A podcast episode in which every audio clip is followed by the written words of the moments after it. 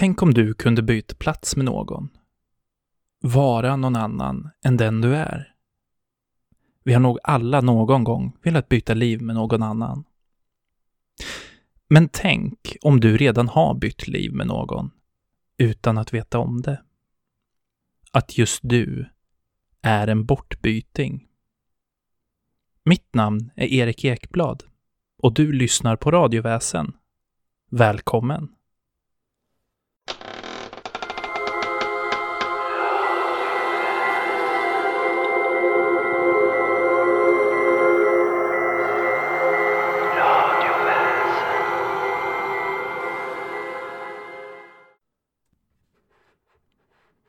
I dagens avsnitt kommer ni få stifta bekantskap med en radioväsendebutant, nämligen Linnea Jägerud. Linnea är till vardags biolog och arbetar med skogs och naturfrågor. Och under 26 års tid har hon både hunnit med att segla vikingaskepp och varit med i uppbyggandet av Ale vikingagård. Linnea har intresse för nordisk mytologi och vikingar och det här har gjort att hon har börjat skriva bokserien de nio världarna, utgiven på Visto förlag. Hon har också skrivit en väldigt bra novellsamling som heter Sägner från socken, som bland annat innehåller noveller om gastar, spöken, mylingar och andra nordiska väsen. Och nu alltså Linnea Jägerud här i Radioväsen. Uppläsare av dagens novell är Sofie Nybling. Även hon en debutant i radioväsen, men långt ifrån nybörjare i poddvärlden. Sofie är nämligen kvinnan som ni har hört i skräcktimmen och som ni numera hör i podden Olösta fall. Låt mig nu presentera novellen Mötet i skogen av Linnea Jägerud. Jag ska berätta någonting som hände för sju år sedan. Än idag har det inte helt fått sin förklaring, trots att minnet har fastnat i mig som kladdig kåda kan fastna mellan fingrarna. Min man tror väl att jag bara tappade vigselringen i bäcken, men min stora aversion mot trattkantareller utgör ett slags bevis för att det hela faktiskt har hänt. Jag ställde bilen på en plats där grusvägen var lite bredare. Den fick god plats. Nu är vi framme, förklarade jag för min lilla son, som jollade något tillbaka och log glatt. Jag lastade ur allt. Vagn, svampkorg, bebis, blöjor och hela kittet. Bytte till kängor och surrade dem ordentligt. Svampkniven i bältet. Äntligen skulle jag komma ut och gå i skogen. Ge mig lite redig granskog. Mitt hojtande riktades till en kaja som satt på en gren. Underligt nog flög den genast iväg. Konstigt att jag skrämde den så, tänkte jag, men glömde det strax. Det var gudomligt skönt att ta långa kliv längs grusvägen bortåt skogen. Vagnen rullade lätt. Einar, som var drygt fyra månader gammal, låg och tittade på mig med sina stora blå trosskyldiga ögon. Han litade helt och fullt på mig och jag kände mig stark, sansad och rådig. Mamma hjärtat svämmade över när han log mot mig och jollade någonting obegripligt, men tydligen väldigt roligt. Mitt svars leende kom av sig självt och lyckan bubblade inom mig. Vi gick på grusvägen ett tag och sedan anslöt en liten å som jag kände igen sedan tidigare. Jag hade i många år jobbat som biolog på en myndighet och varit här i tjänsten flera gånger. Föräldraledigheten hade dimmat bort de flesta jägmästartermerna och kvar fanns mest ett sug efter skogen. Fin öringbäck. Och här finns det flodpärlmusslor också, förklarade jag för lille man som tittade och lyssnade samt fingrade på ett gult lönnlöv som jag hade plockat upp. Himlen var grå. En flock svarta fåglar flög omkring. Lite underligt. Det är ju mitt på dagen, mumlade jag för mig själv. Kajor flyger mest i gryning och skymning, förklarade jag för min son, som inte hade något annat val än att lyssna och lära. Någonting med de där fåglarna väckte en vag oro i mig. Varför flög de runt så där? Flockar mitt på dagen. De kanske hade hittat något dött djur. Jag hörde en gröngörling skratta långt bort. Det är bra att den finns. Den indikerar död ved och det är bra för naturvården. De blå ögonen klippte mot mig från vagnens gosighet. En stund senare vek jag av från grusvägen, passerade en liten bro och gick upp i skogen så långt jag kunde med min Emma-ljunga. Det droppade från granarna och björnmossan låg i tjocka gröna sjok, som om den dolde något därunder. Men strunt, jag var van vid att gå i skogen. Mycket van till och med. Utbildad skogsbiolog som jag är. Det är väl rätt pH-värde just där, förklarade jag åter för sonen, som börjat gnälla lite hungrigt. Nu var det fråga om minuter innan gnället skulle bli ett illvrål. Hunger går fort från hanterbart till olidligt hos små individer av Homo sapiens. Och bebisskrik går också fort från hanterbart till olidligt. Jag spanade in en schysst gran med skön mosskudde, arrangerade fårskinn och kaffetermosen så att jag hade allt inom räckhåll.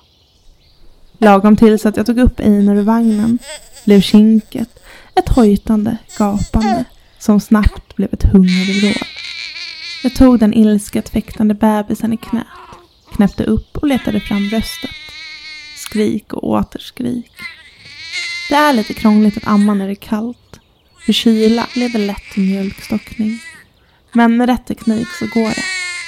Min sons vrål tystnade tvärt när han fick rätt tag och koncentrerat började suga i sig näringsrik och varm mjölk. En stund hörde jag bara hans klunkande ljud blandat med bäckens. Jag lutade mig bakåt mot stammen, tittade upp mot trädkronorna och såg flocken med svarta fåglar kretsa kring en tall. Vagt tänkte jag att de inte borde vara där.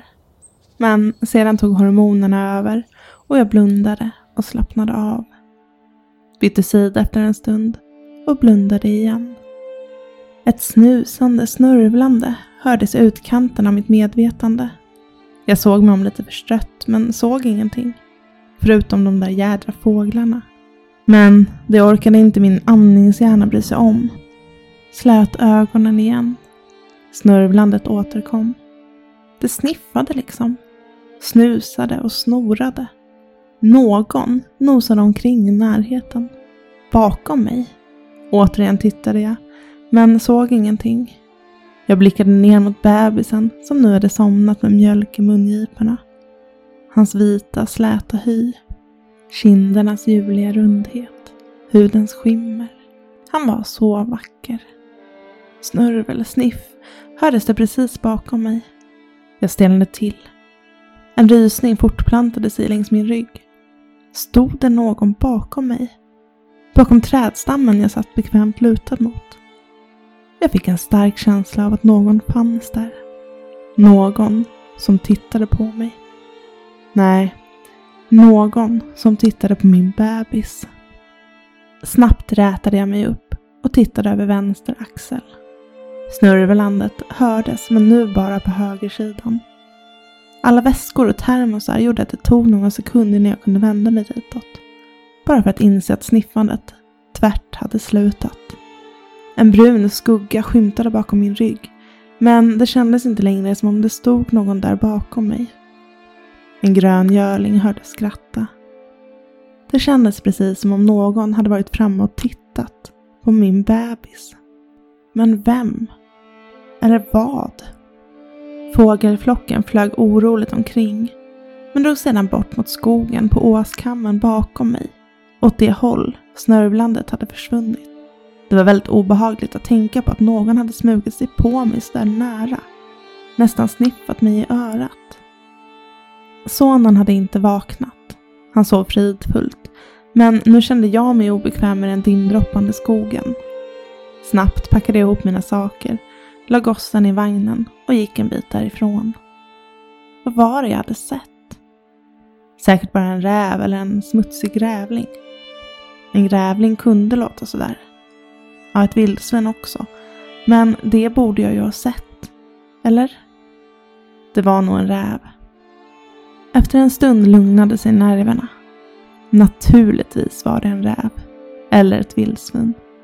Lite ovanligt att de går sådär nära människor men det kanske var en ung gris som inte hade vett att vara rädd för folk. Lite konstigt var det också med fågelflocken. Det Det var någonting med dem som jag inte gillade. Som ett varsel. Skogen var tyst medan jag gick vidare. Droppandet från träden hördes, men ingen vind och faktiskt nästan inga ljud alls. Varför hördes inga ljud? Jag stannade, började fundera på avsaknaden av ljud. Jag kanske borde gå tillbaka. Vagt kände jag att jag borde det. Jag skulle precis vända när blicken fastnade på en riktig skatt. Ett sånt där kantarellställe som man hittar om man är en romanfigur, men aldrig på riktigt. En stor fläck av knallgula kantareller. De stod en liten bit in från platsen där jag stod, men de var så frestande i sin gula lockelse att jag strax glömde allt om fåglar och konstig tystnad och snurlande sniff. Jag pussade lillknodden på kinden, såg till att han låg bra och att barnvagnen var säkert låst. Reflexmässigt dubbelkollade jag att filten inte skulle täcka ansiktet på honom om han viftade till. Han var så fin där han låg med sin gröna napp och sin grå mössa. Med ett leende över att han fanns till vände jag mig mot kantarellerna och tog fram min svampkniv. Nu skulle det plockas. Det var fantastiskt att se så många kantareller. De var överallt. Jag fick akta mig så att jag inte trampade på dem. En del trattkantareller också. Och några tegelmurklor. Det var för sent på året för Karl Johan, men rödgul trumpetsvamp stod fot vid fot med trattkantarellerna. Men mest var det klassiska gula kantareller. Jag tänkte på hur glad min man skulle bli när jag kom hem med åtskilliga liter svamp. Omelett skulle vi göra. Och svampstuvning till kreps. Och torka trattisarna såklart. Och ha dem i goda grytor senare på hösten. Grytor med enbär och grädde. Det vattnades i munnen vid tanken på rostat vitt bröd med smörstekta kantareller. Perfekt lagom saltade. Jösses vad gott. Ett ljud trängde långsamt in i mina mentala receptorier. Det snörvlade och sniffade på ett sätt som kändes bekant. Jag rätade mig upp och fällde ihop svampkniven samtidigt som jag vände mig om. Jag stelnade till. En hel flock svarta kajor satt på och omkring Einars barnvagn. I träden ovanför, på vagnens styrhandtag, på hjulen, på marken omkring, överallt. De var jättemånga, säkert 25-30 stycken. Och de satt helt tysta och tittade på mig allihop. Med svampkorgen i handen sprang jag mot vagnen och skrek åt dem. Schas, dra åt helvete fågeljävlar. Är det äckliga jävla kråkjävlar eller kajor eller vad fan ni nu är, försvinn! När jag bara hade några steg kvar till vagnen lyfte alla fåglarna och flaxade iväg i en enda röra av svarta fjädrar och fjälliga ben. Jag kände en och annan vinge mot mitt hår och en klo som rafsade mig i håret så att det drog loss ett par hårstrån. Jag brydde mig inte om svedan utan tog det sista steget fram till vagnen, fällde ner suffletten och drog undan filten. Vagnen var tom. Tom. Den jävla vagnen var tom. Mitt barn var borta. Jag blundade, skakade på huvudet och tittade igen. Övertygad om att jag hade sett fel. Men nej, Einar var borta. Min ljuvliga söta bebis var försvunnen. Panik är som en drog. Den fyller kroppen på en tiondel sekund och sprider sig i blodomloppet. Fyller varje cell i kroppen och gör att tankeförmågan totalt försvinner. Svampkorgen gled ur mitt grepp och kantareller och riskor spreds över marken i en enda röra. I total panik vacklade jag omkring runt vagnen, slet ut filten, fårskinnet, smällde suffletten upp och ner flera gånger som för att övertyga mig om att ungen inte krupit under täcket på något vis. Hur han nu skulle kunna göra det. Det enda han kunde var att vifta med armarna och benen. Absolut inte förflytta sig själv. Han hade just lärt sig att vända sig från mage till rygg. Men det var långt kvar innan han kunde förväntas krypa. Var var han? Bestört rusade omkring vagnen och tittade noga på marken. Trampade kremlor och trattkantareller till smulor där jag sprang. Hade han ramlat ur? Rullat under en sten någonstans? Men nej, han fanns ingenstans. Jag fattade ingenting. Jag hade ju varit max 50 meter bort. Och nu var min ljuvliga, fantastiska älskling borta. Först nu kom de första tårarna. Jag snyftade och sprang i större cirklar runt omkring. Kunde en fågel ha lyft med honom ut ur vagnen kanske? Men inte tusan kan en kaja lyfta en sju kilos bebis. En havsörn möjligen, men inte en kaja. Jag hade ingen aning om vad som hade hänt. Någon måste i så fall ha smugit fram och tagit honom. Men vilken människa kan smyga så tyst i skogen att jag inte hörde det? Tankar som dessa surrade i huvudet och jag sprang i allt större cirklar runt barnvagnen. En metodisk liten del av mig talade om att detta var det bästa jag kunde göra. Stora cirklar, fortsätt så, manade jag på mig själv medan tårarna strömmade och snoret rann. Herregud, tänk om jag inte hittar honom. Skräck är känslan som avlöser paniken. Skräck är när panik har varit tillräckligt länge för att bli riktigt långvarig. Skräcken kommer och går i vågor. Den är så stark att hjärnan inte kan ta emot den. Jag sprang fortare och fortare. Benen var ännu starka men andetagen började bli tunga. Jag snyftade av rädsla men fortsatte att springa i cirklar. Vidare cirklar, runt, runt, titta på marken, se om du ser några fotspår eller något annat. Mobiltelefonen. Varför i helvete tänkte jag inte på den förrän nu? Jag slet upp den ur fickan och mindes med ens att batteriet varit nästan slut. Einar tyckte inte om att åka bil och för att lugna honom hade jag satt på några barnvisor. Det hade slitit på batteriet som varit nere på 7 procent. Det var kallt ute och kylan åt snabbt upp det sista på batteriet. Jag hade just slagit larmnumret när telefonen dog. Jävla Samsung. Förbannade skittelefon. Jag stoppade den i bhn för att värma den och kanske kunna pressa ur lite mer batteri om den var varm. Spring vidare, spring för tusan. Jag rusade vidare men stannade tvärt. Einars lilla grå babymössa låg plötsligt en bit bort. Jag befann mig på åsen, på höjden och såg barnvagnen nedanför mig. Hur hade mössan kommit hit? Obegripligt. Någon måste ha snott min unge och sprungit hitåt. Tänk om jag aldrig mer får se honom. Jag pressade mössan mot ansiktet och vätte den med hysteriska tårar. Lukten av bebis fanns kvar i mössan och känslan av förlust var fysisk. Som om en bit av min egen kropp hade slitits loss. Som om någon stulit en kroppsdel av mig. Den käraste kroppsdel jag hade. Fyndet hade dock gett mig förnyat mod. Jag hade en riktning och i stora zigzagspår lufsade jag snabbt bort från barnvagnen, vidare uppåt mot åsen. Nu var jag lika delar förbannad och skräckslagen. Här var någonting lurt på gång. Vem tog min ljuva lilla unge? Från det att jag funnit barnvagnen tom tills nu hade det kanske gått en halvtimme. Tre kvart uppskattade jag.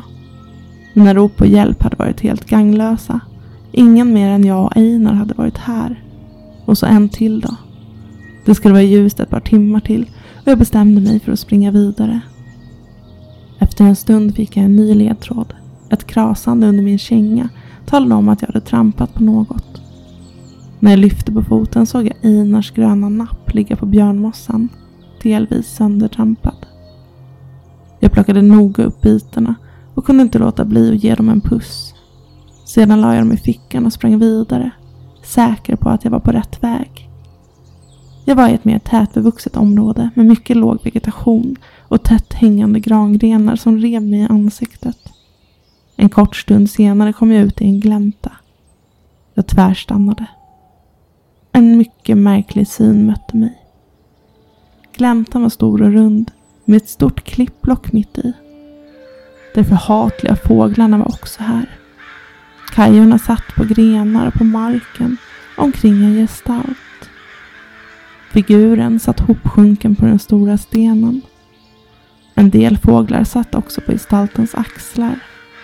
Bredvid klippblocket stod något så osannolikt som ett vildsvin. Det fanns gott om vildsvin i dessa trakter, men det var ändå mycket ovanligt att se dem. Och denna stod nästan som en hund och tittade på gestalten på stenen. Ett snörvlande, sniffande hördes tydligt och det verkade komma både från vildsvinet och från den som satt på klippblocket. Väsendet på stenen hade människoliknande form. Dessutom hade den mitt barn i sin famn. Vad fan, ge mig min bebis! Ge mig Einar din förbannade jävla skit! Jag skrek ilsket och tog tre steg rakt mot klippblocket. På mycket snabba klövar tog vildsvinet lika många steg mot mig, ställde sig framför den stora stenen och grymtade argt. Jag tog några sidosteg och försökte i en annan vinkel. Samma sak. Plus att en äcklig kaja gled ner från gestaltens axlar och svepte ner mot mitt huvud för att dra klorna i mitt hår. Jag slog åt den, men stannade där jag var. Vildsvinet såg inte ut att vara vänligt sinnad. Huvudet var sänkt och den grymtade på ett sätt som definitivt var argt. Jag såg upp mot stenen och tog ofrivilligt ett par steg tillbaka. Gestalten som höll mitt barn var brun. En människoliknande varelse. Kutryggig och med armar och ben som jag själv. Den var iklädd en jordfärgad kappa av något slag. Hade barkbrun hy och ett långt murrigt hår. Vad ska jag göra? Vad ska jag göra? Vad ska jag göra? Mumlade jag hysteriskt mig själv och trippade på stället. Jag såg ju att Einar var i väsendets våld. Han låg och tittade på det, tror jag. För jag stod ju snett nedifrån och såg honom inte riktigt. Men plötsligt hörde jag hans välbekanta joller. Tårarna fyllde mina ögon igen och jag insåg att jag måste lugna mig lite. Han gjorde sitt jag mår bra-ljud och sedan sitt du är rolig-ljud. Det lugnade mig. Han var inte i omedelbar fara. Jag tog några djupa andetag och backade ett par steg till. Vildsvinet slutade genast med sina avgrundsgrymtningar och drog sig undan. Det var en sugga noterade jag i förbifarten. Inga kultingar syntes, bara suggan, fåglarna och den där figuren på stenen som hade min älskling. Den bruna tittade ner på min son.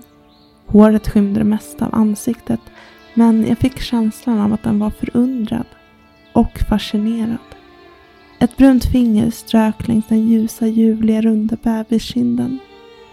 Du är rolig ljudet igen. Einar mådde bra. Men vem var det på stenen?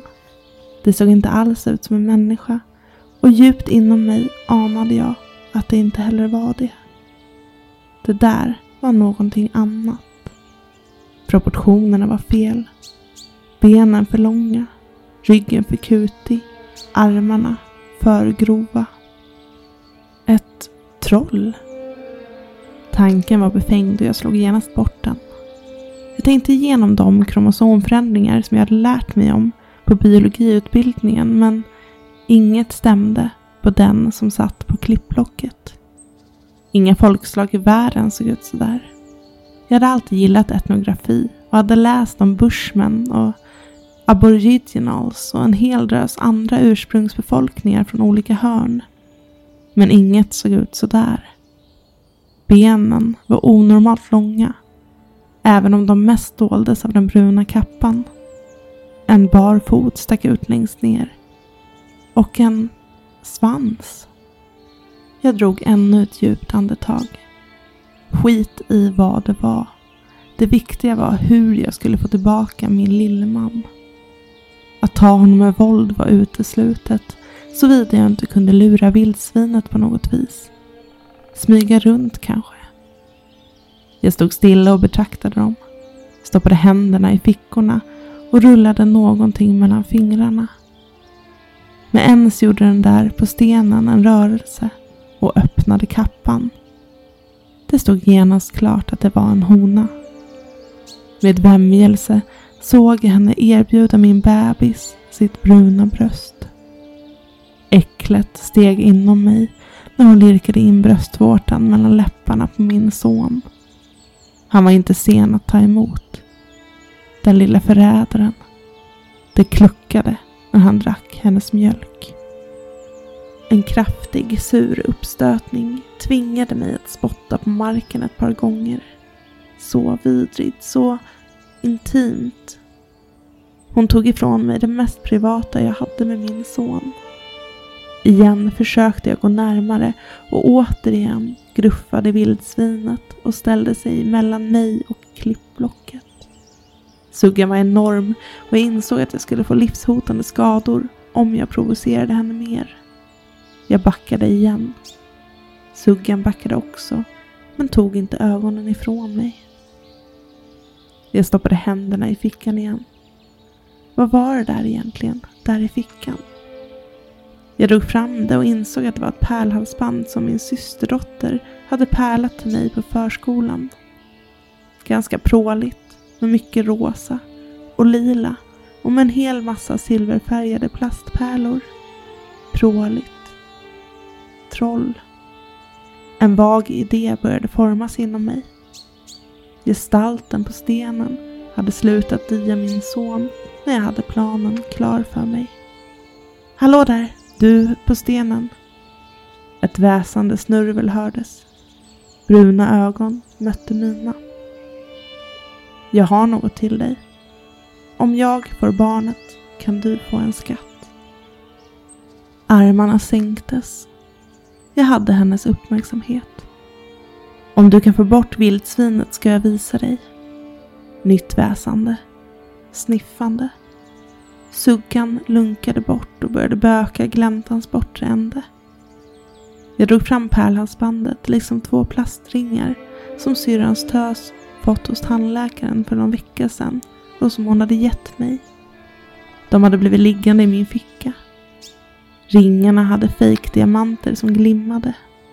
Jag tog ringar och pärlhalsband i handen och gick närmare stenen. Med stor viljeansträngning tittade jag inte på min bebis utan istället mötte jag gestaltens blick. Se här, här är en skatt och se nu lägger jag den här på avsatsen på ditt klippblock. Dessutom lägger jag dit de här. Jag drog upp min nyckelknippa som hade rikligt med nycklar och som rasslade lovande. Jag la dem bredvid pärlhalsbandet och tandläkarringarna. Jag la också dit ett par skruvar i mässing som jag hade hittat i fickan. Väsendet var definitivt nyfiket men hade inte helt bestämt sig ännu. Och se, nu kommer det riktigt fina. Om jag får barnet får du det här. Jag drog av mig min förlovningsring och min vigselring. Båda i guld. Samt en ring jag fått av min moster när jag konfirmerades. Två guldringar och en silverring. Den ena guldringen har en safir. Det var min vigselring som dessutom var arvegods från min mammas farmor till min mormor, till min mamma och sedan till mig. Men det kändes som ett billigt pris för att få Einar tillbaka. Nu var den bruna definitivt intresserad. Hon tittade ömsom på Einar, ömsom på den lilla högen av saker jag hade staplat upp. Och nu, nu kommer det finaste. Här, en halskedja. Jag drog undan håret i nacken och knäppte upp den Bismarck-länk jag fått av maken i morgongåva. Det var nu det gällde. Skulle det fungera? Med darrande händer la jag Bismarck-länken på avsatsen. Långsamt så att hon skulle hinna se guldet som glimmade. Det avgjorde saken. Den bruna nickade sitt bifall. Jag försökte att inte visa hur spänd jag var när jag sträckte upp händerna för att ta emot Einar. Men innan hon gav mig honom så gjorde hon ännu en märklig sak. Jag stönade av fasa när hon drog en vass fingernagel så att ett pyttelitet sår bildades på Einars tinning. Sedan höll jag på att kräkas igen när hon lyfte min son och med en vidrig brun slemmig tunga slickade på såret tre gånger.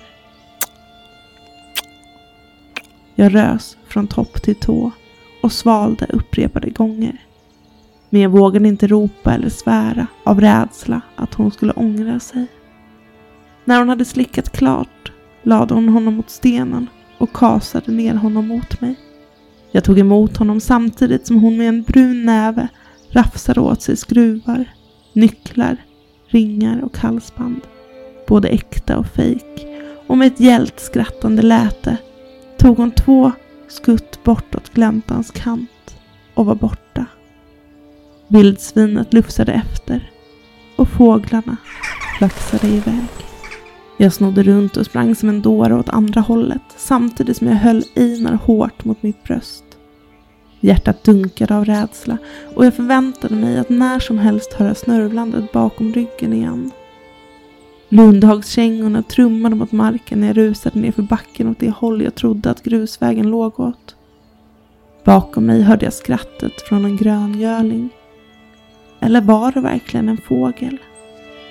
Medan jag snavade vidare med min bebis i famnen insåg jag att det jag trodde var en hackspett skulle ha kunnat vara någonting annat. Kanske en brun varelse som skrattade åt mig.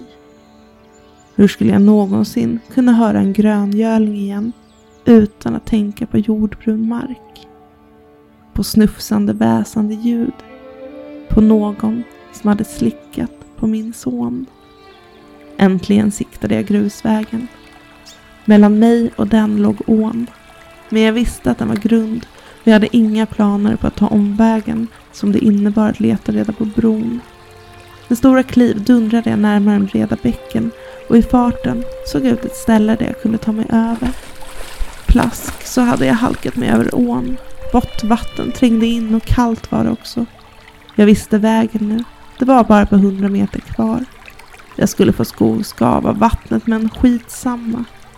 Nu gällde det att fort som tusan ta sig in i bilen och komma härifrån. Till min förfäran hörde jag gröngölingen igen. Och sedan ännu en gång parallellt med grusvägen jag sprang på. Svarta kajor flög oroligt omkring. Jävla fåglar, jag avskydde dem. Varför kom de mot mig? Hade den bruna ändrat sig? Adrenalinet pumpade i kroppen. Fötterna flög fram och steg för steg närmade jag mig platsen där jag visste att bilen stod. Äntligen såg jag den. Aldrig har en blå Toyota Auris varit vackrare. Det skulle bli så skönt att komma in i bilen och rivstarta. Nyckeln. Tänk om jag hade tappat nyckeln. Utan nyckeln skulle jag gå under, det kände jag på mig. Utan nyckel skulle jag bli kvar här när det mörknade och det skulle avgjort vara en dålig idé med den där bruningen snufsande omkring mig. Blotta tanken gav mig förnyade krafter och med ena armen, hållande Einar, letade jag i benfickan efter bilnyckeln. Fingrarna krafsade runt i fickan och där, äntligen, där var den. Nu hade jag bara kanske hundra meter kvar. Jag tryckte på lås upp-knappen. Samtidigt hörde jag gröngörlingen igen, mycket närmare nu. Snörvlandet rörde sig i skogen i riktning mot mig. Svarta fåglar flög skrikande omkring i arga lovar kring bilen och till min fasa såg jag vildsvinet komma springande mot bilen som för att genskjuta mig. Med 20 meter kvar snubblade jag på skosnöret men lyckades hålla balansen utan att ramla eller tappa Einar. De sista stegen tog jag i vild panik. Jag slet upp dörren, kastade mig in och stängde den bakom mig. Med skräck i varje nerv tryckte jag på låsknappen och hörde ett trevligt knäppande. Jag hörde också ett högt duns från sidan av bilen och kände en kraftig skakning. Det var det jävla vildsvinet. När jag la ner Einar i passagerarsätet andades jag ut. Han skrek av förvirring och oro men jag hann inte ordna med det nu. Att spänna fast honom i babyskyddet fanns det heller inte tid till. Flera fåglar satt på motorhuven och skymde sikten och vildsvinet dunsade in i bilen gång på gång. Jag välsignade Toyotan när motorn snällt startade och kunde lägga i backen. Jag är en god bilförare men fick ändå påminna mig om att inte köra i diket. Kallsinnigt vände jag bilen på den smala grusvägen trots att minst tio fåglar flög framför vindrutan. Bebis skrek oupphörligt och vildsvinet gjorde ännu ett utfall. Dessutom såg jag någonting brunt komma ut ur skogen. Men vid det här laget hade jag fått runt bilen och dessutom kommit på att sätta på vindrutetorkarna för att hålla undan fåglarna.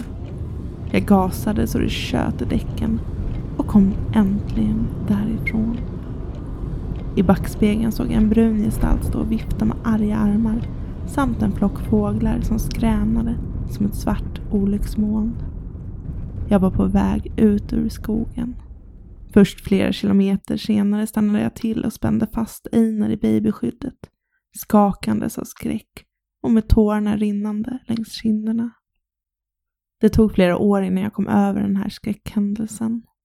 Jag har aldrig kunnat äta svamp sedan dess och jag begärde kontorstjänst på jobbet så jag slapp vara i skogen mer än nödvändigt.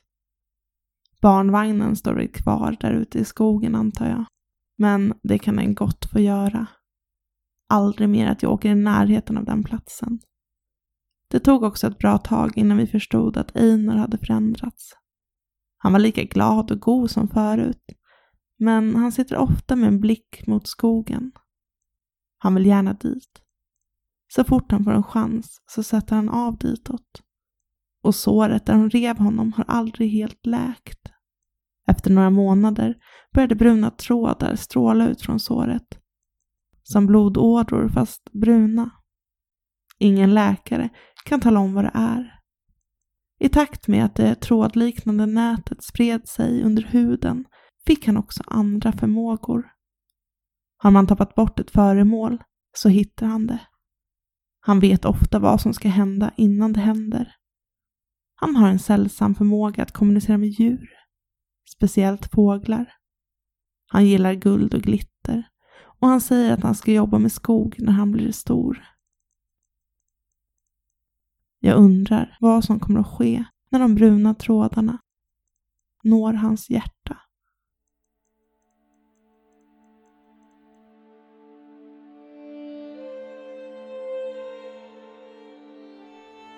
I dagens avsnitt har du hört novellen Mötet i skogen av Linnea Jägrud, uppläst av Sofie Nybling. Länkar till både Linnea och Sofies sidor hittar ni på mina sociala medier där jag heter Radioväsen. Avsnittet idag är producerat och klippt av mig, Erik Ekblad. Och jag är tillbaks om en månad med ett helt nytt avsnitt. Vi hörs!